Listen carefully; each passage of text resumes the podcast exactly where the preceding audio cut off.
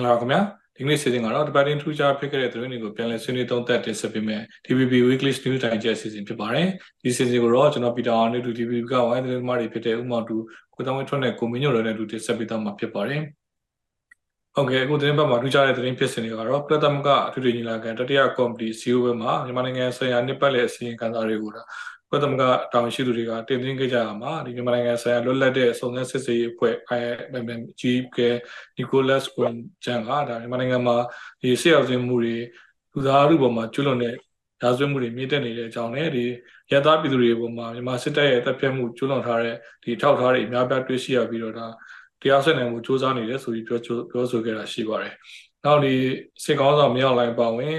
ဒီ10ယောက်ကိုထပ်တလန်မျိုးကချင်းတိုင်းသား9ယောက်ကဒီ ဖိလစ်ပိုင်နိုင်ငံမှာရှိတဲ့တရားရုံးမှာဒီဆေးရဆွေးမှုနဲ့တရားစွဲဆိုထားတဲ့သတင်းရှိပါတယ်။နောက်ဒီအာနာရှင်စနစ်ကိုမြစ်ပြတ်ပြီးတော့တိုက်ထုတ်ဖို့နောက်ပင်လုံဂရီကိုအခြေခံတဲ့ Federal နိုင်ငံကိုတည်ဆောက်ဖို့ဆိုပြီးတော့ကချင်လွတ်လပ်ရေးအဖွဲ့ KIO ကဒါ63နှစ်ပြည့်ရဲ့ထိမှန်နေမှာဒီ KIO ခေါင်းဆောင် ဗိုလ်ချုပ်ကြီးအမ်ဘာလာကပြောဆိုခဲ့တာရှိပါတယ်။နောက်စင်ကာပူနိုင်ငံအနေနဲ့ဒီမြန်မာဒီအချမ်းဖက်စစ်တပ်ကိုလက်နက်ရောင်းနေတာကိုတားဆီးပိတ်ဖို့ရေးဖို့ဆိုပြီးတော့အာနာသိန်းရက်တထောင်ပြည့်အနေနဲ့စင်ကာပူဆိုအစီကိုတောင်းဆိုတဲ့ဒါကမ်ပိန်းလှုပ်ရှားမှုပြုလုပ်နေကြတာရှိပါတယ်။အဲတော့ဂါဒီနိုင်ငံတော်မှာရှိတဲ့အချင်းတော်တွေမှာဒီထောင်ဝစာလူတစ်ခွင့်နေတာပြန်ပြီးခွင့်ပြုခဲ့ရမှာနိုင်ငံတော်တိုင်ပင်ခံပုဂ္ဂိုလ်တော်ဆန်းစုကြည်နဲ့သမရဦးဝင်းမြင့်နောက် NLD ခေါင်းဆောင်တွေကိုစစ်ကောင်စီကထောင်ဝင်စာတာပေးမတွေ့ပဲထားတဲ့သတင်းရှိပါတယ်။နောက်မြကြီးနားအခြေစိုက်ဒီမြောက် ပိုင်တိုင်းစစ်တနာချုပ်အဘခတိုင်းမှုဟောဗိုလ်ချုပ်ကုကုမောင်ကိုစစ်ခုံရုံးကထောင်နဲ့10နှစ်ချမှတ်လိုက်သလိုနောက်ရာလူကနေနားပေးခံပြီးတော့စစ်ဘက်ရာလူကိုဒါပြန်ပြီးတော့ထမ်းဆောင်စီခဲ့တဲ့ပြည်ထောင်ဝင်ကြီးဟောင်းဒုတိယဗိုလ်ချုပ်ကြီးစိုးထုတ်ဒါအချင်းပြလက်စားမှုနဲ့ထပ်ပြီးတော့စစ်ဆေးခံရတဲ့သတင်းရှိပါတယ်နောက်တစ်ခါဒီနိုင်ငံရေးပါတီအနေနဲ့ဒီသတ်မှတ်ထားတဲ့ကာလတွင်မှာပါတီဝင်စင်းတင်ပြဖို့နဲ့ရုံးကနေဖွင့်ကြဖို့ဒါပါတီဝင်စင်းမပြည့်မီတဲ့နိုင်ငံရေးပါတီတွေကိုဆက်လက်ရည်တည်ခွင့်ပေးမှာမဟုတ်ဆိုပြီးတော့ စစ်ကောင်စီဩဇာခံတွေပြောင်းစုကောက်ပွဲကော်မရှင်ကဒါပြောကြားခဲ့တဲ့တဲ့နောက်ဒီဆိုင်ကလုန်းမွန်တိုင်းအမွန်ရဲ့အရှိန်ကြောင့်မြန်မာနိုင်ငံနေရာနဲ့ပြမှာမိုးတိထန်သာရသွင်းပြီးတော့ရန်ကုန်ရွှေတကုံဘုရားဆောင်ထဲမှာတော့ဒါမကြုံစဘူးရေကြီးရှန်နိုင်ဖြစ်ခဲ့တယ်။နောက်ပရနီပြည်နယ်လွိုက်ကော်မှာလည်းဒါဘလူးချောင်းကြီးကြီးပြီးတော့ချောင်းဘေးမှာရှိတဲ့ရက်ွက်တွေကပြည်သူတွေဒါဘေးလို့ရကိုရှိပြောင်းရတဲ့တဲ့တွေရှိပါတယ်။နောက်တစ်ခါပင်လယ်ကူးသမောသားတွေကိုစစ်ကောင်စီကဒါလာဆန်ငွေပေါ်မှာအခွန်တင်းကျပ် ဆောင်ခိုင်းနေတဲ့အတွက်ကြောင့်သမောသားမိသားစုတွေခက်ခဲကြုံနေရတဲ့တဲ့ရှိပါတယ်။နောက်စီဝိုင်းတဲ့နေဆက်ရမယ်ဆိုရင်တော့ဒီသတင်းချုပ်ကာလဒီမီထုံပွဲတော်အတွက်ပြပကနေတင်သွင်းလာတဲ့ဒီတရုတ်နိုင်ငံမှာလုပ်တဲ့မိဘုံတွေရောင်းချနေတာကြောင့်ဒီရိုးရာမြမရိုးရာမိဘုံလုပ်ငန်းလုပ်ကိုင်သူတွေအနေနဲ့အခက်အခဲကြုံနေရတဲ့တဲ့နောက်စင်ဒီစင်ကူခြေဆိုင် Capital Corporation လုပ်ငန်းစုကဒီရန်ကုန်မှာရှိတဲ့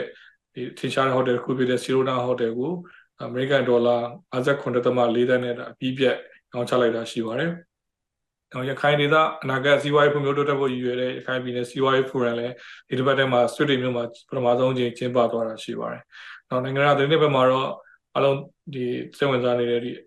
Israel Hamas တိုက်ပွဲတွေဆက်လက်ပြင်းထန်ဖြစ်ပွားနေတယ်။ Israel ကြီးတဲ့ကလည်းဒါဂါဇာမြောက်ပိုင်းတွေကိုဝင်ရောက်စီးနင်းတိုက်ခိုက်ခဲ့ပြီးတော့ Hamas တွေရဲ့ပြည်မှတ်တွေကိုဒါ ချေမှုန်းခဲ့တာရှိပါတယ်။နောက်ဂါဇာမှာရှိတဲ့ Palestine ဒုက္ခသည်တွေလူသားချင်းစာနာမှုအကူအညီတွေပေးဖို့ခက်ခဲကြုံတွေ့နေရပြီးတော့ဒီကိစ္စတွေနဲ့ပတ်သက်ပြီးတော့တသမကလုံခြုံရေးကောင်စီမှာလည်းစုံမဲ့ချက်မချနိုင်တဲ့အခြေအနေရှိနေပါတယ်။နောက်တောင်တည့်ပြည်လမှာတော့ဒီ Philippine တင်မော်တွေကိုတရုတ်ကရန်စနောက်ဆက်ခဲ့လို့နိုင်ငံစစိုင်တင်းမာနေတဲ့သတင်းတွေရှိပါတယ်။ပထမဆုံးအနေနဲ့ဒီကချင်ဒေါ်လာရေးနဲ့ပတ်သက်တဲ့သတင်းတွေပဲသုံးသပ်ဆွေးနွေးကြပါတယ်။ဒီ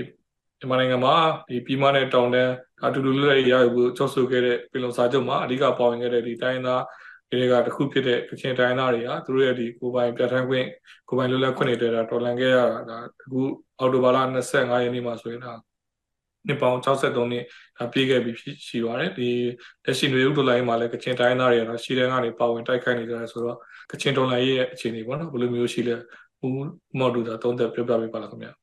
ဟုတ်ကဲ့ပါဂူဗီတာကြီး ဒီ KIO KIA ပေါ့နော် KIO ဆိုတော့ကချင်လွတ်မြောက်ရေးဖွဲ့ KIA ဆိုတော့ကချင်လွတ်မြောက်ရေးတပ်မတော်ပေါ့လေဒီ1960ခုနှစ်ကစဖွဲ့တာအော်တိုဘာလ25ရက်ဆိုတော့အခုအော်တိုဘာ25ဆိုရင်ဂါဒါ63နှစ်ပြည့်သွားပြီပေါ့နော်ပြည့်သွားတဲ့အခါမှာအားလုံးကလည်းသိပြီးသားပါ KIA ကသူကဟို PDF တွေကိုဖိတ်ခေါ်တယ်တခြား AA တို့တခြား အဲဒေါ်လာရင်းဖွဲ့တွေပေါ့ပလောင်တို့ဒါတွေအားလုံးကိုဖိတ်ခေါ်ပြီးတော့နှစ်တော်ကြာပါပြီသူတို့စစ်တင်တန်းတွေပေးနေတယ်အဲကူညီပေးနေတယ်ပေါ့နော်လက်နဲ့ကူညီဆိုတော့ကျန်တဲ့ဒေါ်လာရေးဖွဲ့တွေအင်အားတောင်တင်တာ KIA ရောက်မယ်လေအခု PDF တွေဆိုလဲအရန်ကူညီတာပေါ့နော်အရန်ကူညီတော့ PDF တွေကိုတင်တန်းပေးတယ်အဲ့ဒီ KIA ရဲ့ဒါ63နှစ်မြောက်မှာသူတို့ရဲ့ဥက္ကဋ္ဌပေါ့နော်ဗိုလ်ချုပ်ကြီးအင်ဘန်လာမင်းကုန်းပြောတယ်ပေါ့ဆိုတော့ဗိုလ်ချုပ်ကြီးအင်ဘန်လာကတော့တနေ့တနေ့မင်းကုန်းနေရဆိုလို့ရှိရင်ပို့ပို့ပြီးတော့ပြင်းထန်လာတာပေါ့အခုလဲဒါသူတို့ ဒီစကန်နာကိုလိုက်ဇာနာကိုဒါစစ်ကောင်စီကတော့ပြစ်ခတ်ပြီးတော့29ဦးသေပြီးနောက်ပိုင်းအခုတိုက်ပွဲတွေပြင်းထန်တဲ့အချိန်မှာဒါအင်ဘန်လာပြောတဲ့မင်းကုန်းဖြစ်ပါတယ်ဒါ63နှစ်မြောက်မှာပေါ့နော်ဒါပင်လုံရဲ့ဂတိကဝတ်တွေအရာပေါ့နော်ဖက်ဒရယ်ပြည်ထောင်စုတိဆောက်ရေးမှာဒီဆရာနာရှင်တိုက်ဖြစ်ရေးမှာတခြားဆရာနာရှင်ကိုတိုက်နေတဲ့ဖွဲ့စည်းတွေနဲ့လက်တွဲပြီးတော့ပေါင်းပြီးတော့အဲဆရာနာရှင်ကိုအပြုတ်တိုက်သွားမယ်ဂျိုးစားသွားမယ်ဆိုပြီးတော့သူကမိန်ကုန်းကချင်ဘာသာနဲ့ပြောသွားတာပေါ့သတင်းဌာနတွေအားလုံးအားလုံးမှလည်းပြန့်နှံ့နေပါပြီ ဆိုတော့ဟိုမြန်မာပြည်အရေးကိုဒီဗိုလ်ချုပ်ကြီးအမလာသုံးသက်တာလဲ KIO ကောင်းဆောင်သုံးသက်တာလဲကောင်းတယ်ဟိုတကယ်အဖြစ်မှန်အောင်သုံးသက်တာဗောနော်စေအုပ်စုဒီဟိုပြောနေသလိုဟာမိထုံးပွဲကြီးတွေလှုပ်လိုက်တကြံပွဲကြီးတွေလှုပ်လိုက်အေးစတေးဖြစ်နေပုံစံစေအုပ်စုကပြောနေတဲ့အချိန်မှာပဲဒီဗိုလ်ချုပ်ကြီးအမလာကတော့ဒါတိုင်းပြည်စီးပွားရေးကအရန်ကိုအကြက်တဲတွေဖြစ်နေတယ်။တိုင်းပြည်မှာဒုက္ခတွေတွေအရန်များနေတယ်။အဲစစ်ကောင်စီကလည်းဒီစစ်တပ်ပေါ့နော်စစ်တပ်ကလည်းပြည်သူတပ်မတော်မဟုတ်တော့ဘဲနဲ့ကိုပြည်သူကိုကို ပြန်တက်နေတဲ့တပ်မတော်ကြီးဖြစ်နေပြီးတော့အာရမပြုကျင်မှုတွေရွာလုံးလိုက်မီးရှို့မှုတွေအာဒါမျိုးတွေပေါ့အများကြီးဖြစ်နေတယ်။ဒါကြောင့်မလို့ဒါဒါအားလုံးကဝိုင်းပြီးတော့နော်အင်အားစုတွေအားလုံးကဝိုင်းပြီးတော့စစ်ကောင်စီကိုအပြုတ်တိုက်ရမယ်ဆိုပြီးတော့သူ့မိန်ကွန်းမှာပြောသွားကြတာဖြစ်ပါတယ်ဗျစက်တဲမှာလည်းအပြောတယ်မဟုတ်ဘဲနဲ့ KN ကအလုပ်လည်းရှိတယ်ပေါ့နော်ဘာလို့အလုပ်လည်းရှိလဲဆိုတော့ဒီအော်တိုဘာလာ20ရက်နေ့ကပဲလွမ်လန်းအောင်ကြာဆိုတဲ့စခန်းကိုဒီအထိုင်100ကျော်ရှိတဲ့စစ်ကောင်စီ တပ်သား100ကျော်ရှိတဲ့စခန်းကိုဝင်သိမ်းနိုင်နိုင်တယ်အဲစစ်ကောင်စီက KIO စခန်းတွေကိုပြန်သိမ်းမှုပြင်းနေတဲ့ကြိုးစားနေအားလုံးရင်းနဲ့အဲ့ဒီအချိန်မှာပဲ KIA ကနေပြီးအဲ့လိုတိုက်လိုက်ပြီးတော့ KIA ခေါင်းဆောင်ဗိုလ်ချုပ်ဂွန်မော်ပေါ့နော်စီဦးစီးချုပ်ဗိုလ်ချုပ်ဂွန်မော်ကအဲ့မှာသွားကြည့်တယ်နောက်ပြီးတော့ဗိုလ်ချုပ်ဂွန်မော်ကသူ့မှတ်ချက်တွေ Facebook မှာလည်းရေးထားတာပေါ့နော်သူ့ရဲ့ Facebook မှာဒါအားလုံးနဲ့ပေါင်းပြီးတော့တိုင်မဲအားလုံးကိုကျေးဇူးတင်တယ်ပေါ့ KIA ကိုကူညီတဲ့ဒီ PDF ပါဝင်ဖွဲ့စည်းအားလုံးနဲ့ကျေးဇူးတင်တယ်ဆိုပြီးတော့ထုတ်ထားလဲတွေ့ရတော့ ဒီတိုင်းသားဖွဲ့စည်းတွေနဲ့ PDF တွေနဲ့အားလုံးကစုစည်းနဲ့ဖြစ်နေတယ်ဆိုတာ KIO ရဲ့63နှစ်မြောက်မှာသိကြတော့ဗောဗျာနောက်တစ်ခါဒီနိုင်ငံရေးချင်းသားတွေပတ်သက်တဲ့အကြောင်းအရာတွေဆက်ပြီးတော့ဆွေးနွေးချင်ပါတယ်အဲဒီကပ်ဘေးကာလာတွေကဒါပိတ်ထားခဲ့တဲ့ထောင်ဝဲစာလူတွေ့ခွင့်တွေကိုဒါအခုသတင်းပတ်မှာတော့ဒါပြန်လည်ခွင့်ပြုနေရမှာဒီနိုင်ငံတော်အတိုင်ပင်ခံပုဂ္ဂိုလ်တော်ဆန်းစုကြည်တော်သမ္မတရေးဝင်းမြင့်တော့ NLD ဆိုအဝင်ကြီးတွေဒီနိုင်ငံတိုင်းကိုညီချုပ်တွေတာမကဒီမကြသေးခင်မှာဒီဖန်စီထောင်ချခံရတဲ့ဒီ စစ်ဘူဂျိုဟောင်းတွေပြည်ထောင်ချမှတ်ခံရတဲ့သူတွေအပါအဝင်ဒီစစ်ကောင်စီကဒါသူတို့တော့ထောင်ထောင်ဝင်စာတွေပေးမတွေ့ဘူးလို့ကျွန်တော်သိရပါတယ်အဲ့တော့ဒီကျင်းတော်တွေမှာဘာတွေဖြစ်နေလဲဆိုတော့ဒါနိုင်ငံရေးကျင်းတော်တယောက်ဖြစ်တဲ့ကိုမင်းညိုတာပြောပြပေးပါဦးခင်ဗျာဟုတ်ကဲ့အခုဒီနောက်ဆုံးကားတဲ့အနေထားဆိုလို့ရှိရင်သူတို့ကဒီ24ရက်နေ့ကစပြီးထောင်နေမှာပြန်ပြီးတော့ထောင်ဝင်စာတွေပြန်ပြီးတွေ့တယ်ပေါ့နော်အဲ့ဒါကလည်းကျွန်တော်တို့ဘဝပြည်မှာထောင်30ကျော်လောက်ရှိတယ်အချင်းတော်30ကျော်လောက်ရှိတာပေါ့ဒီအချင်းဦးစီးဌာနတရားဝင်ထုတ်ပြန်နေတာလုံးဝမလုပ်ဘူး ထောင်ထဲကနေနီးစက်တဲ့အမြဲပါဆယ်သွားပို့တဲ့လူတွေစုံစမ်းလာသိရတာပေါ့နော်အဲ့တော့ဟိုထောင်ပွင့်လာဒီထောင်ပိတ်လာဟိုထောင်ပေးလာဆိုတော့ကိုချင်းကိုချင်းစုံစမ်းရတဲ့အချိန်မျိုးဖြစ်တယ်ဟိုကျိုးလည်းမသိရဘူးတချို့ပေါင်းတဲ့ထောင်ထောင်မျိုးထောင်တတိလေးပေါင်းတဲ့ထောင်ထောင်မျိုးဆိုရင်ဒီတော့မေးတယ်ပေါ့နော်23ရက်နေ့ထိတော့မေးကြတယ်ပေါ့အာသူတို့မသိဘူးမသိဘူးဆိုပြီးတော့ပြောတယ်ဘာသဘောတွေပဲမသိဘူးသူတို့သူတို့အိတ်ထဲသူမှန်တော့ဗျာသူတို့စားဖို့တွေအများကြီးပိတ်သွားတော့သူတို့အရင်တော့ဆိုလို့ရှိရင် ဒီမိသားစုတွေကကိုသားသမီးတွေကိုလင်ယောက်ျားတွေအထဲမှာရှိတယ်ထောင်ထဲမှာရှိတယ်လို့အထဲမှာကျမ်းမာရဲ့လားလေကောင်းရဲ့လားအသက်ရှင်ရဲ့ပေါ့ရှိရဲ့လားဆိုအခုခေတ်ကမလွယ်ဘူးကျွန်တော်ထောင်ထဲမှာအသက်ရှင်တဲ့ရေးအတွက်ကမတေချာတဲ့ဘဝအရင်ခေတ်တွေတော့ဆိုလို့ရှိရင်စစ်ကြောရေးတွေထောင်ရောက်သွားပြီဆိုတာအများကြီးဟို85ရာခိုင်နှုန်းကအသက်ဘေးလုံခြုံရပြီလို့ပြောလို့ရတယ်အခုခေတ်ကထောင်ထဲကိုရောက်သွားရင်အသက်ဘေးက စိုးရင်ရတဲ့အခြေအနေကျွန်တော်တို့ရှေ့ပါလို့ကြိုက်သဘောထောင်တဲ့ကိစ္စဆိုလို့ရှိရင်28ရောက်မှာပျောက်ဆုံးနေရတယ်ဒီနေ့ထိပျောက်ဆုံး14ရောက်14ရောက်လောက်ရှိသေးတယ်ပေါ့အဲ့အဲ့မိသားစုတွေလည်းကျွန်တော်တို့ပြန်ပြီးတော့ဆက်သွယ်ပြီးတော့သူတို့အခြေအနေတွေပြီးတော့မေးရအောင်ပါဒါပေမဲ့အပြည့်ထောင်းစပေးတာ24ရက်ဆိုအခုက28ရက်3ရက်ပဲရှိသေးတယ်တချို့မိသားစုတွေမသိသေးဘူးထောင်နေမှာထောင်ဝင်တာပြီးတယ်ဆိုတော့ကျွန်တော်တို့သတင်းဌာနတွေကပေါ်ပြလို့ပဲမိသားစုတွေကသိရတာပေါ့နော်အချင်းထောင်တွေကလည်းမပြောဘူး အချင်းဦးစီးဌာနကလည်းတရားဝင်မထုတ်ပြန်ဘူးအဲအခုထုတ်ပြန်တဲ့တိတာတဲ့အားကြောင့်လည်းထောင်လေးမှာအောက်ပါအချက်လက်တွေပေါ့နော်စီကတ်ချက်ဆိုပြီးတော့အချက်၁၁ချက်ကိုထောင်ကြီးတွေမှာစိုင်းပုံကြီးတွေထောင်ထားတယ်အဓိကအဲ့အချက်၁၁ချက်မှာဘာတွေပါလဲဆိုတော့ဒီကိုဗစ်ဆေးနှစ်ခါထိုးထားတဲ့လက်ပတ်အဲနောက်ပြီးတော့တစ်ပတ်အတွင်းလောက်ထားတဲ့ရဲစခန်းထောက်ခံစာတပတ်အတွင်းမှာလုပ်ထားတယ်ရဝဒထောက်ခံစာပေါ့နော်အဲ့ထောက်ခံစာတွေနဲ့နောက်ပြီးတော့ဝန်ခံလေးကိုနောက်ဆုံးစစ်တဲ့နှာခေါင်းတူပတ်ပေါ့ အဲအဲ့ဒါတွေအဲ့အချက်လက်တွေအပြင်ဟိုပေါ့နော်အချက်စစ်တဲ့ချက်ပေါ့နော်အဲ့အဓိကဆိုတာအဲ့ခုနကကျွန်တော်ပြောတဲ့၄ချက်ပေါ့အဲ့၄ချက်ကဘာလဲဆိုတော့သူအခုကသူတို့ဖြေပြောလိုက်ကိုဗစ်ကာလကြော်သွားပြီဆိုဖြေပြောလိုက်တဲ့အတွက်ကိုဗစ်လက်မှတ်တွေကလူ့မှာမရှိတော့ခီးသွားရင်လည်းကိုဗစ်လက်မှတ်ပြရစရာမလိုတော့ဘလူးကစေးထိုးထားပေမဲ့လည်းမရှိကြတော့အဲ့တော့အခုမှဒီကိုဗစ်နှစ်ကြိမ်ထိုးထားကြအောင်လက်မှတ်ဆိုတော့အောက်လိုင်းကဝယ်ရတော့ဝယ်ရတော့နေရာအနှံ့ပေါ့နော်ပေါက်ဈေးတွေကဖြစ်တယ် ထောင်တွေမှာလည်းလုပ်လို့ရတယ်တချို့မန်လေးထောင်တော့ပါလို့ဆိုလို့ရှိရင်အလန့်ဆုံးပဲတော့ဟာကျွန်တော်ကိုဗစ်ကျွန်တော်ကိုဗစ်ဆေးထိုးရတာမရှိတော့ဘူးဘာမှဘူးလေလာခဲ့ထောင်ဒီထောင်ဝင်လာပေးတဲ့နေရာမှာလည်းလုပ်လို့ရတယ်9000ပဲပေးရမယ်နှာခေါင်းတိုးဘက်အတွက်က18000ပေးရမယ်အဲဒါမျိုးတွေပေါ့အော်အဲ့ဒါ9000 18000ဒါကျွန်တော်မန်လေးထောင်တစ်ခုပဲကျွန်တော်ပြောပြတာအဓိကတော့သူကစားပေါက်တော့ပြီးထွေလိုက်တာပေါ့ပဲအရင်တော့ကသူထောင်ထဲကမိသားစုတွေရှိမရှိသိချင်လို့ရှိရင်အောက်လိုင်းကနေစာလေးဝန်ထမ်းနဲ့ထဲကိုပို့လို့ရှိရင် 9000ကနေ1000ထိပေးရတယ်။နောက်ဟိုအဲ့စာလေအထက်ကမိသားစုကအပြင်မှာဟိုတာချောင်းမာချောင်းပြန်ပြီးပြီးတော့ပေးပြန်ပို့လို့ရှိရင်လည်းတစ်ခါ9000လောက်တောင်းပေးရတယ်။ထောင်ဝင်စာတွေ့ရပြီဆိုတော့အဲ့ခွေတွေသူတို့ပြတ်သွားတယ်။ပြတ်သွားတော့တခြားနီးလန်းတွေပေါ့နော်ခုနကပြောသလိုဒီနှကောင်းတို့ဘက်ယူရင်ဘလောက်ကိုဗစ်ကောက်ဈေးထိုးရင်ဘလောက်အဲ့ဒါတွေမရှိဘလောက်ဆိုတော့လာလာလာအောင်မယ်ဒါအခုအစဘက်ပဲရှိအဲ့တော့ကျွန်တော်ထောင်ဝင်စာသွားပေးရဘူးတချို့တွေကတော့ အဲ့အချက်လက်တွေမပြည့်စုံလို့ပြန်လာတဲ့လူတွေအများကြီးပဲစိတ်မကောင်းဘူးတော့ပေါ့နော်တချို့တွေကတော့မိသားစုကိုမဖြစ်မနေတွေ့ချင်ကြတော့မဖြစ်ဖြစ်အောင်လုပ်တော့တွေ့ကြတယ်တော့တွေ့တော့လေတာရီထောင်အခြေတွေကိုကျွန်တော်မေးကြည့်တော့ထုံးတယ်လိုက်တန်လကနှစ်ချက်ပေါ့နော်တန်လကနှစ်ချက်ကနှစ်ပေလောက်တော့ရှိတယ်ပေါ့နော်အဲ့နှစ်ပေလောက်တော့တစ်ခါတုတ်တုတ်တုတ်15ရောက်အနည်းဆုံးထည့်တယ်ပေါ့နော်ထည့်တော့အခန်းလေးကချင်းချင်းလေးချင်းချင်းလေးရဆိုတော့တစ်ဖက်နဲ့တစ်ဖက်ကိုလည်းတော့မှောင်လဲမှောင်လို့မမြင်အောင်ကိုဟိုသားသမီးဟိုဟိုပေါ့ အင်္ဂါအစုံရှိရလားဆိုတော့မိဘတွေကအဲ့ဒါကိုအဓိကသိချင်တာပေါ့နော်အဲ့တော့တေချာပြုပြချီရပြီးတော့တယောက်နဲ့တယောက်ကဟိုအခန်းတစ်သေးလေးထဲမှာတန်လကာနှစ်ချက်နဲ့ဆိုမနေ့အော်ပြောရတယ်ကို့အတန်သူကြားဖို့သူ့အတန်ကိုကြားဖို့ပြီးတော့အချိန်ကသူကမိနစ်20ပဲပြီးမိနစ်20နောက်ပြီးတော့ဒီပုံစံ30မှာပါတဲ့မိသားစုပဲနှစ်ယောက်ပဲတွေ့ခွင့်ပေးအဲ့ဒါတစ်လောက်တစ်ချိန်ပဲတွေ့ခွင့်ပေးတယ်အဲ့တော့တော်တော်များတော့အစီအနေလုံးကတော့သူတို့မျက်နှာလေးမြင်ခွင့်ရတယ်ဆိုတဲ့ဟာလေးဖြေရတာပေါ့နောက်တစ်ချက်ကကျွန်တော် ဟိုဒီစီဟိုပါပေါ့နော်ထောင်ဝင်သာတွေ့တဲ့အခါကို CCTV တက်ထားတယ်ပြီးတော့ဝန်ထမ်းတွေကမပြတ် watch လုပ်တယ်ပေါ့စောင့်ကြည့်နေတယ်တချို့နည်းနည်းသူတို့တန်တရားဝင်တဲ့ခါဆိုရင်စာအုပ်နဲ့လိုက်ပြီးတော့မှတ်တာပေါ့နော်မှတ်တာဒါတွေပါလုပ်တယ်ပေါ့နော်အဲအဲ့ဒါဟိုသူတို့အထက်ကညွှန်ကြားတဲ့အတိုင်းလုပ်တယ်ချက်ပါတယ်အဲ့တော့ဘယ်လိုမှစိတ်ကလည်းလွတ်လပ်မှာမဟုတ်တော့ဘူးပေါ့နော်အဲနောက်တစ်ခုကကျွန်တော်တို့အဲ့လိုစုံတိုင်းနဲ့ကျွန်တော်တို့လည်းတစ်ချက်မေ့နေတာပါလဲဆိုတော့ကျွန်တော်တောင်ထောင်နဲ့ပတ်သက်ပြီးတောင်ထောင်အခြေအနေထောင်ဝင်လာအခြေအနေကိုကျွန်တော်စုံစမ်းတဲ့အချိန်ပါကျွန်တော်တော့တတိရတာ တောင်ထောင်ထဲမှာသမရာကြီးရှိတယ်ပေါ့ဟုတ်လဲကျွန်တော်ကျွန်တော်ရဲ့သတင်းဆို့ဆိုပြီးသမရာကြီးရောဘယ်လိုလာတွေ့လဲပေါ့အာအကိုရဲ့ကျွန်တော်လည်းမနေ့က24ရက်နေ့ဒီရက်လုံး25ရက်နေ့နှစ်ရက်လုံးကျွန်တော်စောင့်ကြည့်ထားတယ်အဲ့ဒါသမရာကြီးကိုလာတွေ့တဲ့အနေထားမတွေ့တော့ကျွန်တော်အဲ့ဒါဝန်ထမ်းကိုနေတယ်ပေါ့နော်ကျွန်တော်သူလည်းသူကလည်းထောင်တွေ့ဆိုတော့ထောင်ထဲမှာနေခဲ့ပြီးတော့ထောင်ဝန်ထမ်းနေတည်အဲ့ဒါမေးကြည့်တော့သမရာကြီးတို့ကသမရာကြီးတို့ပြေးမတူဘူးပေါ့နော်သမရာကြီးတွေပို့ဘူး NLD ထိပ်ဒီခေါင်းဆောင်ထိပ်ပိုင်းခေါင်းဆောင်တွေရဲ့အမတ်တွေရဲ့ပေါ့နော် ဝင်ကြီးတွေရဲ့လုံးဝနောက်ပြီးတော့တည်တံကြတဲ့လူတွေထောင်ဝင်တာပြေးမတွေ့ဘူးဟိုတည်ရတယ်ပေါ့နော်အဲ့လေအဲ့ဒါတွေပို့ဘူးပြတယ်အခုဟိုမကြသေးခင်ကနေဖတ်ခံလိုက်ရတဲ့ဟိုဒုတိယဗိုလ်ချုပ်ကြီးဘုံမြင့်ထိုးတဲ့သူ့အမှုတွေဘုံမှုချုပ်အဲသူတို့အမှုတွေတွေပဲတောင်းထောင်းမှရှိတယ်သူတို့လည်းထောင်းတော့ပြေးမတွေ့အဲ့ဒါတွေကိုသိလိုက်ရတယ်ပေါ့အဲ့ဒါသိလိုက်ရတော့ကျွန်တော်အထက်ပြီးတော့ပေါင်းတယ်ထောင်ထဲမှာရောက်နေတဲ့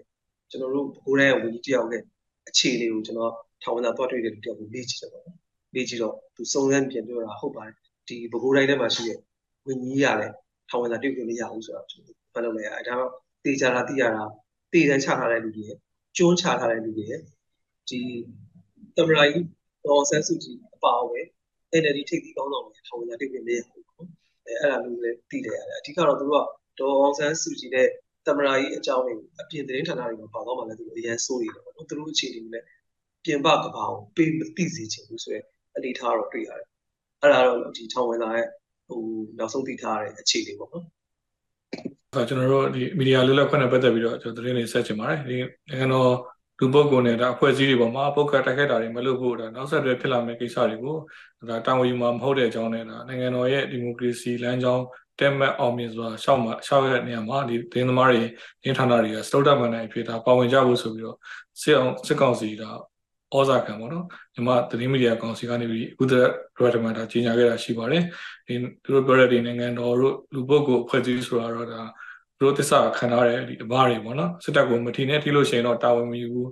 စစ်တပ်ခိုင်းတာလို့ကြွေးတာ ယူပေးတာစာအဲပြောတာရေးဘာမှပြန်မပြောလဲဆိုပြီးတော့ဒါမီဒီယာတွေကိုပြောလိုက်တာလို့ထင်ပါတယ်ကိုတောင်းတော့ကဘယ်လိုမြင်လဲခင်ဗျာဒီကိစ္စကျွန်တော်တို့ကျွန်တော်တို့သိတဲ့လောက်ကပြည်သူလူထုဘက်ကရက်တည်တဲ့သတင်းတောက်တွေကသတင်းတောက်တွေနော်သတင်းမီဒီယာတွေကကိုစစ်စစ်ကောင်စီတဲ့မှာကိုပပေါ်ထင်းရက်တည်လို့မရဘူးလေရက်တည်လို့မရဘူးအဲ့တော့မီဒီယာအနေနဲ့တကယ်တကယ်တကယ်ပြန်ပြည်သူလူထုဘက်ကရက်တည်မယ်ဆိုလို့ရှိရင်အဲ ပုံရှိုးကွက်ရှိုးနေရမလားဒါမှမဟုတ်အလုံးမြောက်နေပြီတခုကိုသွားမလားဒီဒီလိုပဲရွေးချယ်စရာရှိတာပေါ့နော်အဲ့တော့ကျွန်တော်တို့ဟိုဟိုကျွန်တဲ့ဒါမှမဟုတ်ရင်လည်းတရင်လောက်လောက်ကိုဆက်မလုပ်တော့ဘူးဒါအဲ့ဒီအပြင်ကိုနော်ကျွန်တော်တို့ဒီအသက်အောင်ထားရတာနော်ဒီလူမှုကွန်ရက်တွေမှာနော်ဟိုဟိုပစီကြီးမှာပေါ့အရသားတွေတည်ကြည်တည်ကြည်တယ်ဟုတ်လားကချင်ပြည်နယ်မှာအရသားတွေတိုက်ခိုက်ခံရတယ်ဆိုရင်အနက်အနက်ရောင် profile အဲပြောင်းနေဆိုရင်လည်း ဖန်ခံရတယ်စသဖြင့်နော်ကျွန်တော်တို့မြင်တွေ့နေရတဲ့အခြေအနေကလေအဲ့လောက်ထိဟိုဆိုဆိုရရလောလဟိုလောလစာထုတ်ဖို့ပြောဆိုခွင့်အာဖိနေခံရတာနောက်ပြီးတော့သတင်းတောက်တွေဖမ်းဆီးထောင်ချတဲ့နေရာမှာတကဘာလုံးမှာအာတရုတ်ပြီးလို့ရှိရင်เนาะနိုင်ငံပေါင်း190ကျော်ထဲမှာတရုတ်နိုင်ငံကအဆိုးရွားဆုံး journalist တွေဖမ်းဆီးထောင်ချမှုအများဆုံးတဲမှာဒုတိယလိုက်တယ်ပေါ့နော်အဲတရုတ်ပြီးကျန် ဟိုဒုတိယဒုတိယငွေသိန်းရတယ်ပေါ့လေနော်နော်အဲ့လောက်အဲ့လောက်ထိအခြေအနေဆိုတဲ့အဲဟိုကတော့အဲအဲ့ဒီထဲမှာမှလေအဲတန်တဲ့သတင်းမီဒီယာတွေကျွန်တော်တို့ journalist တွေအာဟိုမျိုးစုံဒီဖြစ်မှန်ကိုအားလုံးသိဖို့အတွက်ကိုသက်ဆွန်ဆန်ပြသတင်းလုပ်ပေးနေရတဲ့ပုံရှုပ်ွယ်ရှုပ်သတင်းလုပ်ပေးနေရတဲ့သတင်းတော်တွေကရှိနေတုံးပါပဲเนาะမှန်မှန်တရားဘက်ကယက်တည်တယ်ပြည်သူလူထုဘက်ကယက်တည်တယ်သူတွေတော့ရှိနေဦးမှာပဲဒီဟိုကတော့ ဒီဒီစစ်စစ်ကောင်စီလက်အောက်ခံအဲမီဒီယာကောင်စီကတော့ဘယ်သူမှကိုစားမပြုတ်ဘူးဆိုတော့သိကြပါတယ်ဟုတ်ကဲ့ကိုတုံးတော့ပြောပြီးတော့ဒါဥမာတူဆက်ပြီးတော့ဒါသုံးသက်ဆွေးနွေးပါအောင်သူတပြည့်ဒါကိုတူပြောတဲ့စကားလုံးရဆိုရင်တော့ရုပ်သေးရုပ်မီဒီယာကောင်စီပေါ့နော်အဲရုပ်သေးရုပ်မီဒီယာကောင်စီဘယ်လဲပါလဲနောက်မြန်မာလက်ရှိမြန်မာသတင်းမီဒီယာလွတ်လပ်ခွင့်အခြေအနေဘယ်လိုရှိလဲဆိုတော့ဥမာတူဆက်ပြီးတော့သုံးသက်ပြောပြပေးပါဦးခင်ဗျာဟုတ်ကဲ့ပါမမရဖြစ်ဖြစ်တာကတော့ 19ရက်နေ့ကထုတ်တဲ့မီဒီယာကောင်စီရဲ့ဒါ9မိနစ်2013ကြီးညာချက်ပေါ့နော်ဒီညာချက်မှာစောကွန်ပျူတာဖတ်ပြသွားတာလေဒါဟိုသူတို့လူပုဂ္ဂိုလ်တွေနိုင်ငံတော်တွေကိုဒါတိတ်ခကြောင်မရေးနဲ့သတင်းတောက်တွေကဒီလိုဒီလိုမျိုးစာစကားပေါ့အဲကျွန်တော်တို့သတင်းတောက်စကားနဲ့ဘာသာပြန်ပြောရရင်တော့ဒီအာနာသိန်းစစ်ကောင်စီကိုမကောင်းတဲ့သတင်းတွေမလုပ်ကြနဲ့ဒါပါပဲအဲ့လိုမလုပ်ကြနဲ့လုပ်လို့ရှိရင်လည်းမီဒီယာကောင်စီကတောင်းမယူဘူးလို့ဒါ ဒါအဲ့ဒီကြီးညာချက်ကပြောလိုက်တာပဲအဲ့ဒါကြည့်တဲ့အခါကျတော့ဒါမီဒီယာကောင်စီဆိုတာကျွန်တော်တို့ကဒီဒေါန်ဆန်းစုကြည်ခေတ်တစ်လျှောက်လုံးဒီ NLD ခေတ်တစ်လျှောက်လုံးရောနောက်ပြီးတော့အရင်ဦးသိန်းစိန်ခေတ်တည်းကဒါစပြီးတော့မီဒီယာကောင်စီကိုယာယီနေနဲ့ဖွဲ့ခဲ့တာပေါ့နော်အဲ NLD လက်ထက်2018ကျမှဒါအတီဖွဲ့တယ်ဖွဲ့ပြီးတော့တေချာလုတ်ခဲ့တာအဲ့ဒါကြီးကလုံးဝစစ်အာဏာသိမ်းတယ်ဆိုတဲ့ကမီဒီယာကောင်စီဝင်နေလဲအဲပုံနေကြပြေးနေကြရဟိုတချို့လဲနိုင်ငံရရောက်ကြအဲ့လိုတွေဖြစ်ပြီးတော့ လက်ရှိသူတို့ဖွဲ့ပေးထားတဲ့မီဒီယာကောင်စီဆိုတာလဲဟိုဥက္ကဋ္ဌလက်ရှိမြင်းမှုမောင်နိုင်မိုးဆိုတာတစ်ချိန်လုံးဒါမဆာဘက်ကစစ်တပ်ဘက်ကရက်ခဲ့တဲ့ပုံကိုအဲနောက်ထပ်လဲဒီဒီမှုကင်းသတင်းတောင်များဥက္ကဋ္ဌတို့ဘာလို့အရင်တော့ NLD လက်ထက်ကဆိုရင်မီဒီယာကောင်စီကနေပြီးတော့မှုကင်းသတင်းတောက်အဖွဲ့တွေကဆိုလို့ရှိရင်စစ်တပ်ပုံစံရဲပုံစံတွေလုပ်ပြီးတော့ငွေတောင်းငွေညှစ်မင်းတို့ဒီသတင်းကိုငါတို့ရေးလိုက်မယ်ငါတို့ဘယ်လောက်ပေးအာမင်းတို့ဒီသတင်းကိုငါတို့ မထုတ်ဘူးအဲ့ဒါဆိုဘယ်လောက်ပေးဒီလိုမျိုးနဲ့လုပ်နေတဲ့အဖွဲ့အစည်းတွေတော့ပြန်ပြီးတော့ပါလာတယ်ပေါ့နော်ပါလာတဲ့ခါကျတော့လုံးဝဟိုဘယ်လိုဂျပန်ခေတ်တုန်းကပါလဲရုပ်သေးဆိုးရဆိုရှိတယ်ကျွန်တော်စဉ်းစားမိတယ်ဒါလည်းရုပ်သေးပေါ့ရုပ်သေးကျိုးဆွဲရကရတယ်ရုပ်သေးမီဒီယာကောင်စီဆိုပြီးတော့ဖြစ်တာပေါ့နော်အဲ့တော့မီဒီယာကောင်စီစပြီးတော့ဖြစ်ကြတဲ့ကအာဒီဘယ်လိုကောမလဲအာနာသိန်းအစိုးရလို့မရေးရဘူးဟလားအဲဒီအာနာသိန်း ကောင်စီလို့မရေးရဘူးဒါမျိုးတွေသူတို့ကျင်ညာချက်ထုတ်တာလည်းရှိတယ်အဲ့တော့လုံးဝကိုစစ်တပ်ကခိုင်းတာအဲဟိုလုံနေရတဲ့အနေအထားဖြစ်သွားတဲ့မီဒီယာကောင်စီလို့ပဲပြောရမှာပေါ့နော်ဟုတ်ကဲ့ပါဒါမြန်မာသတင်းပြီးမှတော့ကမ္ဘာသတင်းဆက်ချင်ပါတယ်ဒီတစ်ပတ်ထဲမှာရောထူးခြားခြားပေါ့နော်ဒီ Israel စစ်ပွဲအပြင်တခြားဘာတွေများစိတ်ဝင်စားစရာရှိမယ်ဆိုတာကိုတောင်းတော့ဆက်ပြီးတော့ဆွေးနွေးပြပါခင်ဗျာဟုတ်ကဲ့ကျွန်တော်တို့ဒီ Israel Palestine ကဂါဇာကမ်းမြောင်ဒေသဒီဟာ ဒီ Israel ကနေတိုင်းပုံချဲနေတာတွေမြင်ကွင်းတွေမြင်နေရတဲ့အခါမှာလေကိုကိုပါတွေ့ဝိုက်ပြီးတော့ဆိုတာဖြစ်တယ်တင်တယ်နော်စိတ်ဘောကရောက်တာပေါ့နော်ဒီဟိုဟာဇက်နာတဲ့ဟိုဟာလူလူအရက်သားတွေအဲတည်ကြည်ပျက်စီးတာတွေနေ့တိုင်းမြင်နေရတာကလူတိုင်းအတွက်စိတ်ခံစားချက်ကောင်းမှာမဟုတ်ဘူးထင်ပါတယ် နော်ပြင်ကျွန်တော်ကဘာလုံးသတင်းတွေခြုံကြည့်တဲ့အခါမှာတော့လေတကူကဘာသတင်းကောင်းစင်သတင်းစာမျက်နှာဖုံးပေါ့လေမျက်နှာဖုံးသတင်းတွေအဲတော်တော်များများကြည့်လိုက်တော့အဲအားလုံးနဲ့ဆိုင်တဲ့သတင်းတွေတော့အများကြီးပဲအဲအခုအခုလေးနေမှာကျွန်တော်တွေ့တွေ့တဲ့သတင်းဆိုတော့ဒီဟိုကတော့ဒီအမေရိကမှာဖြစ်တဲ့သတင်းကတော့လေဒီလူဒီစက်တနတ်နဲ့ပြစ်လို့လေလူ16ယောက်သေတာပေါ့နော်ပြီးခဲ့တဲ့ပြီးခဲ့တဲ့ညကပဲသတင်းတွေတွေ့တယ် ဒီ American ပြည်ထောင်စုရဲ့ဒီမြောက်ဖက်ဟိုပါခေါ်မလဲဒီအရှိမြောက်အစွန်ကြရတော့ main ပြည်နယ်ပေါ့နော် Lewiston ဆိုတဲ့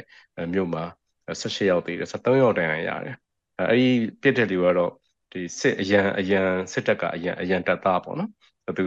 အဲ့တော့အဲ့ဒါလည်းပို့ပြီးတော့ဒီဒီလူကသူစိတ်ယောဂဟိုဖြစ်တယ်နော်စိတ်ယောဂ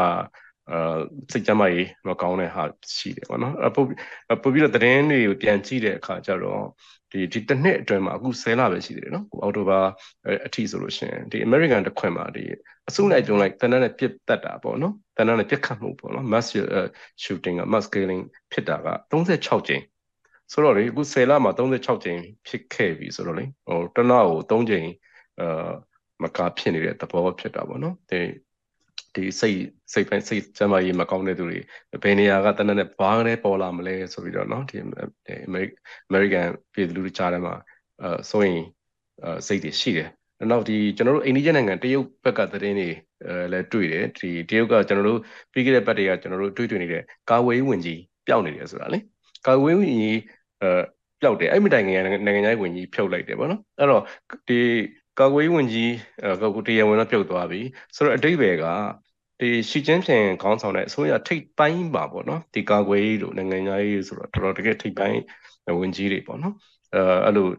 တရုတ်ဟိုအစိုးရထိပ်ပိုင်းမှာအဲ့လိုလှုပ်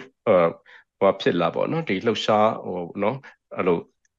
အဲလှုပ်လှုပ်ခက်ခက်တွေအဲရှိနေသလားပေါ့နော်ချီချင်းဖြင့်ကောင်းဆောင်မှုအောက်မှာမတည်ငြိမ်မှုတွေရှိနေသလားပေါ့နော်အဲအဲ့လိုမျိုးသုံးသက်တာမျိုးတွေတွေ့တယ်အဲ နောက်ထပ်ဒီတရုတ်သတင်းထဲမှာအဲဟိုလီကျော်ဖြစ်တဲ့သတင်းတဲ့ပုဂ္ဂိုလ်ပေါ့နော်ဒီတရုတ်ဟို VR နာမည်ကြီး VR တစ်ခုသေးလားအဲဗီဒီယိုတစ်ခုကအဲလူမှုကွန်ရက်မှာတော်တော်ကိုပြန့်နှံ့သွားတာပေါ့နော်နာမည်ကြီး VR တစ်ခုရဲ့ဒီတိုးလောင်ကန်ပေါ့နော်အဲ့ကန်ကိုဒီသူဝန်တန်းကဟိုအပေါ့သွားတာပေါ့နော်အဲအဲ့အဲ့မြင်ကတရုတ် VR အာကျွန်တော်နာမည်တော့မပြောတော့ဘူးเนาะအဲ့ဒီ ကုမ္ပဏီကတော့စုံစမ်းစစ်ဆေးမှုတွေလုပ်နေပါတယ်ဆိုပြီးတော့အဲဒီဒီလူမှုကွန်ရက်တွေမှာအဲ့ဒီဗီဒီယိုပိုင်းကတော်တော်ကိုအာတော်တော်ကိုဟိုဖြစ်တာပေါ့နော်တို့ဟိုပြန်ပြောကြဆိုကြ share ကြတာများတာပေါ့နော်အဲနောက်ခုအခုပြနိုင်ပိုင်းတွင်မှာပဲအခုလှုပ်လှုပ်ခက်ခက်ဖြစ်နေတဲ့သတင်းကတော့ဒီကုလသမဂ္ဂထရီညီလာခံ ကုလသမဂ္ဂထရီညီလာခံမှာအရေးပေါ်အရေးပေါ် meeting ခေါ်ရတယ်အရေးပေါ်စီဝေးခေါ်ပြီးတော့အပြန်လှန်ပြောကြရတယ်ပေါ့လေအပြန်လှန်ပြောကြရဆိုတော့အခု American အချိန်နဲ့ဆိုလို့ရှိရင်တော့ဟိုဂျာသာရီနေပေါ့နော်ဒီမြန်မာပြည်ချိန်နဲ့ဆိုတော့တောက်ကြနေမှာ day 1အနေနဲ့စပြီးတော့ပြောကြတယ်ပြောကြဆိုကြတော့နိုင်ငံပေါင်း100လောက်ပြောဖို့ရှိတယ်အဲနောက်ဒီမြန်မာစံတော်ချိန်ဆိုစနေနေ့ပေါ့နော်ဆက်ပြီးတော့အာ ကုလတမထွေရီညီလာခံမှာဆက်ပြီးတော့ဆွေးနွေးဖို့ရှိတယ်ပြီးတော့မဲခွဲဆုံးဖြတ်ဖို့ရှိတယ်အဲသူကတော့ဒီလုံခြုံရေးကောင်စီလိုမျိုးဟိုမပါဘူးပေါ့နော်မဖြစ်မနေလုပ်ရမယ်အဲဆုံးဖြတ်ချက်မပါဘူးသို့တော့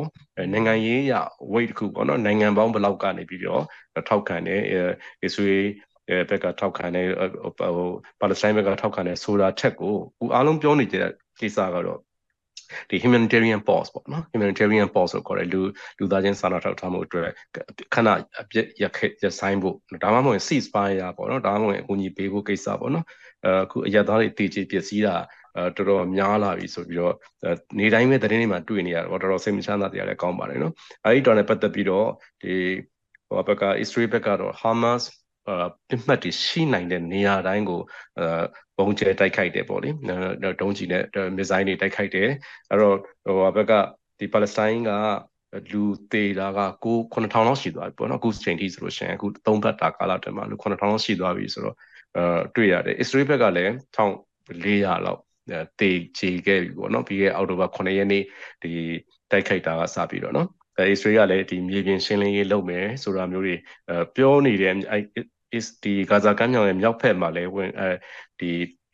ဒီတချို့နေရာတွေဝင်ပြီးတော့စီးနေတာတွေရှိတယ်တိုးတော့ဒီဂါဇာတစ်ခွင်လုံးကိုသူအစ္စရေးကမြေပြင်ချိန်မုံရေးလုပ်ဖို့အတွက်ကအစ္စရေးမှာလည်းစဉ်းစားချက်တွေရှိနိုင်တယ်ဒီအမေရိကန်ရေတပ်ကလည်းအဲစစ်သင်္ဘောနှစ်စီးပို့ထားတယ်အီရန်ပါလာမလားဟစ်ဘိုလာပါလာမလားဆိုတော့ဟိုဟာတွေရှိတယ်နော်စိုးရင်ချက်တွေရှိတယ်အပြင်ကိုဒီတစားကန်ပေါ့နော်တစားကန်220 220ကျော်ရှိနေသေးတယ် အခုပြီးခဲ့တဲ့ရက်ပိုင်းပဲကျွန်တော်လွတ်လာတယ်လွတ်လာတဲ့တစားကန်တွေအဲပြော၄ယောက်လွတ်လာတဲ့အထက်မှာအမေရိကန်နိုင်ငံသားတွေပါတယ်နော်အမေရိကန်အစ္စရေးတွေပေါ့နော်အဲသူတို့ပြောပြချက်ရဆိုလို့ရှိရင်ဒီဂါဇာကမ်းမြောင်ရဲ့အောက်မှာဒီမြေအောက်လှိုင်ခေါင်းတွေကလို့ရှုပ်ရှက်ခတ်နေအောင်တိစောက်ထားရတယ်ပေါ့အထက်လွှာလိုက်လွှာလိုက်လွှာလိုက်တိစောက်ထားတာတွေက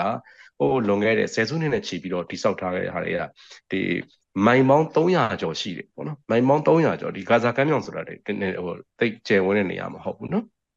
ဒီအနံ6မိုင်နဲ့အဲအလျားက20မိုင်20ကျော်25မိုင်လောက်ပဲရှိတယ်အောက်မှာဒီ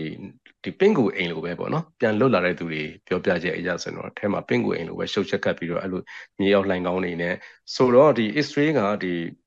မြေပြင်ချိန်မုံရေးပေါ့နော်မြေပြင်အဲစစ်စင်ရေးဝင်ပြီးဆိုလို့ရှိရင်လည်းနှစ်ဖက်အသေးပြောက်များဒီတက်ပို့ပြီးတော့အသေးပြောက်များဖို့နှစ်ဖက်လုံးအသေးပြောက်များဖို့ဟိုဟိုအလားအလာတွေလည်းများတယ်အားလုံးကလည်းစိုးရိမ်နေကြတယ်ဒီတက်ပို့ပြီးတော့စစ်မီးတောက်ပြီးတော့လေ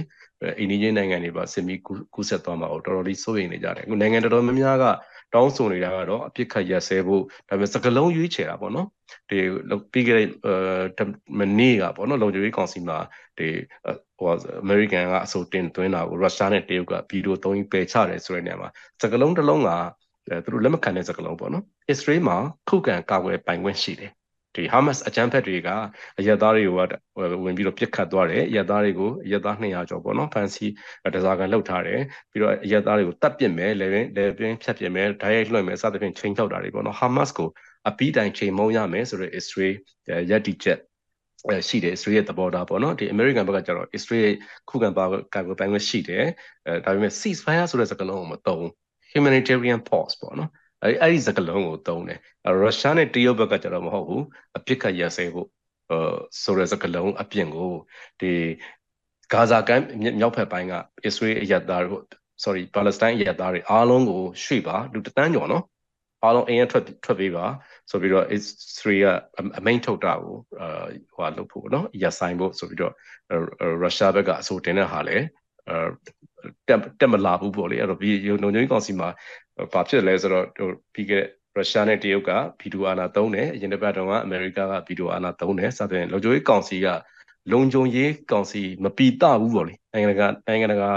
ငြိမ်းချမ်းရေးနဲ့လုံခြုံရေးအတွက်လုံခြုံရေးကောင်စီကမရက်တည်နေတဲ့အခြေအနေဖြစ်တာပေါ့နော်လူတွေဝေဖန်စရာဖြစ်တာပေါ့နော်အဲ့တော့ကျွန်တော်တို့နောက်တနေ့စောင့်ကြည့်ရမှာတော့ကုလသမဂ္ဂထူးညီလာခံမှာနိုင်ငံပေါင်း100ကျော်ဘယ်လိုမဲခွဲဆုံးဖြတ်ကြမလဲ အများစုကတော့အဲရက်သားတွေတည်ကြည်ပျက်စီးနေတာကိုဟိုမခံစားနိုင်ကြတော့ဘူးအဲ့လိုကူညီပေးတဲ့နဲ့အဲရေမီးဖြတ်ထားတာတွေပြန်ပေးတဲ့နဲ့ပေါ့နော်အစ္စရေးဘက်ကကျင်လည်းဒီဟာမက်အချမ်းဖက်သမားတွေပါနေတယ်ရေမီးဖြတ်တဲ့ကိစ္စလေသူဖြတ်လေးရက်ပေါ့လေအဲ့တော့စကလုံးအတုံးလုံးလေးမှာတင်နောက်နေ့တွေမှာတကဘာလုံးမှာဆက်ပြီးတော့အငင်းပွားရမယ်သဘောရှိတယ်ပေါ့နော်ဒီအစ္စရေးပါလက်စတိုင်းဂါဇာကမ်းမြောင်ကနေပြီးတော့ဒီအာရက်ကဘာဒီ တစ်ခုလုံးစင်မီတောက်လာမှာဒီပို့ပြီးတော့เนาะအခုယူကရိန်းရုရှားစစ်ပွဲနေတောင်တစ်ကမ္ဘာလုံးကတော်တော်လေးဒုက္ခရောက်နေပြီဆိုတော့နောက်ထပ်စင်မီတောက်မဲ့ဟာတော့အားလုံးစိုးရိမ်နေကြတာသိကြပါတယ်လူတွေလည်းတော်တော်လေးသိချပြည့်စည်နေကြပြီဆိုတော့ဟုတ်ကဲ့ပါလာမယ့်သတင်းပတ်တွေမှာလည်းမြန်မာနိုင်ငံကမှာအချိန်တိုင်းများဖြစ်ပျက်နေတဲ့သတင်းတွေနဲ့ပတ်သက်ပြီးတော့ဆက်လက်ဆွေးနွေးဖို့ရှိတဲ့အကြောင်းပြောပြရနေပဲဒီ season ကိုဆုံးသက်လိုက်ပါစေခင်ဗျာဒီ season မှာပေါဝင်ဆွေးနွေးပေးခဲ့ကြတဲ့ DPP ဝိုင်းတော်သားအားလုံးကိုရောကြည့်ရှုအားပေးကြတဲ့ DPP ပေးသက်တွေအားလုံးကိုလည်းကျေးဇူးတင်ရှိပါတယ်ခင်ဗျာ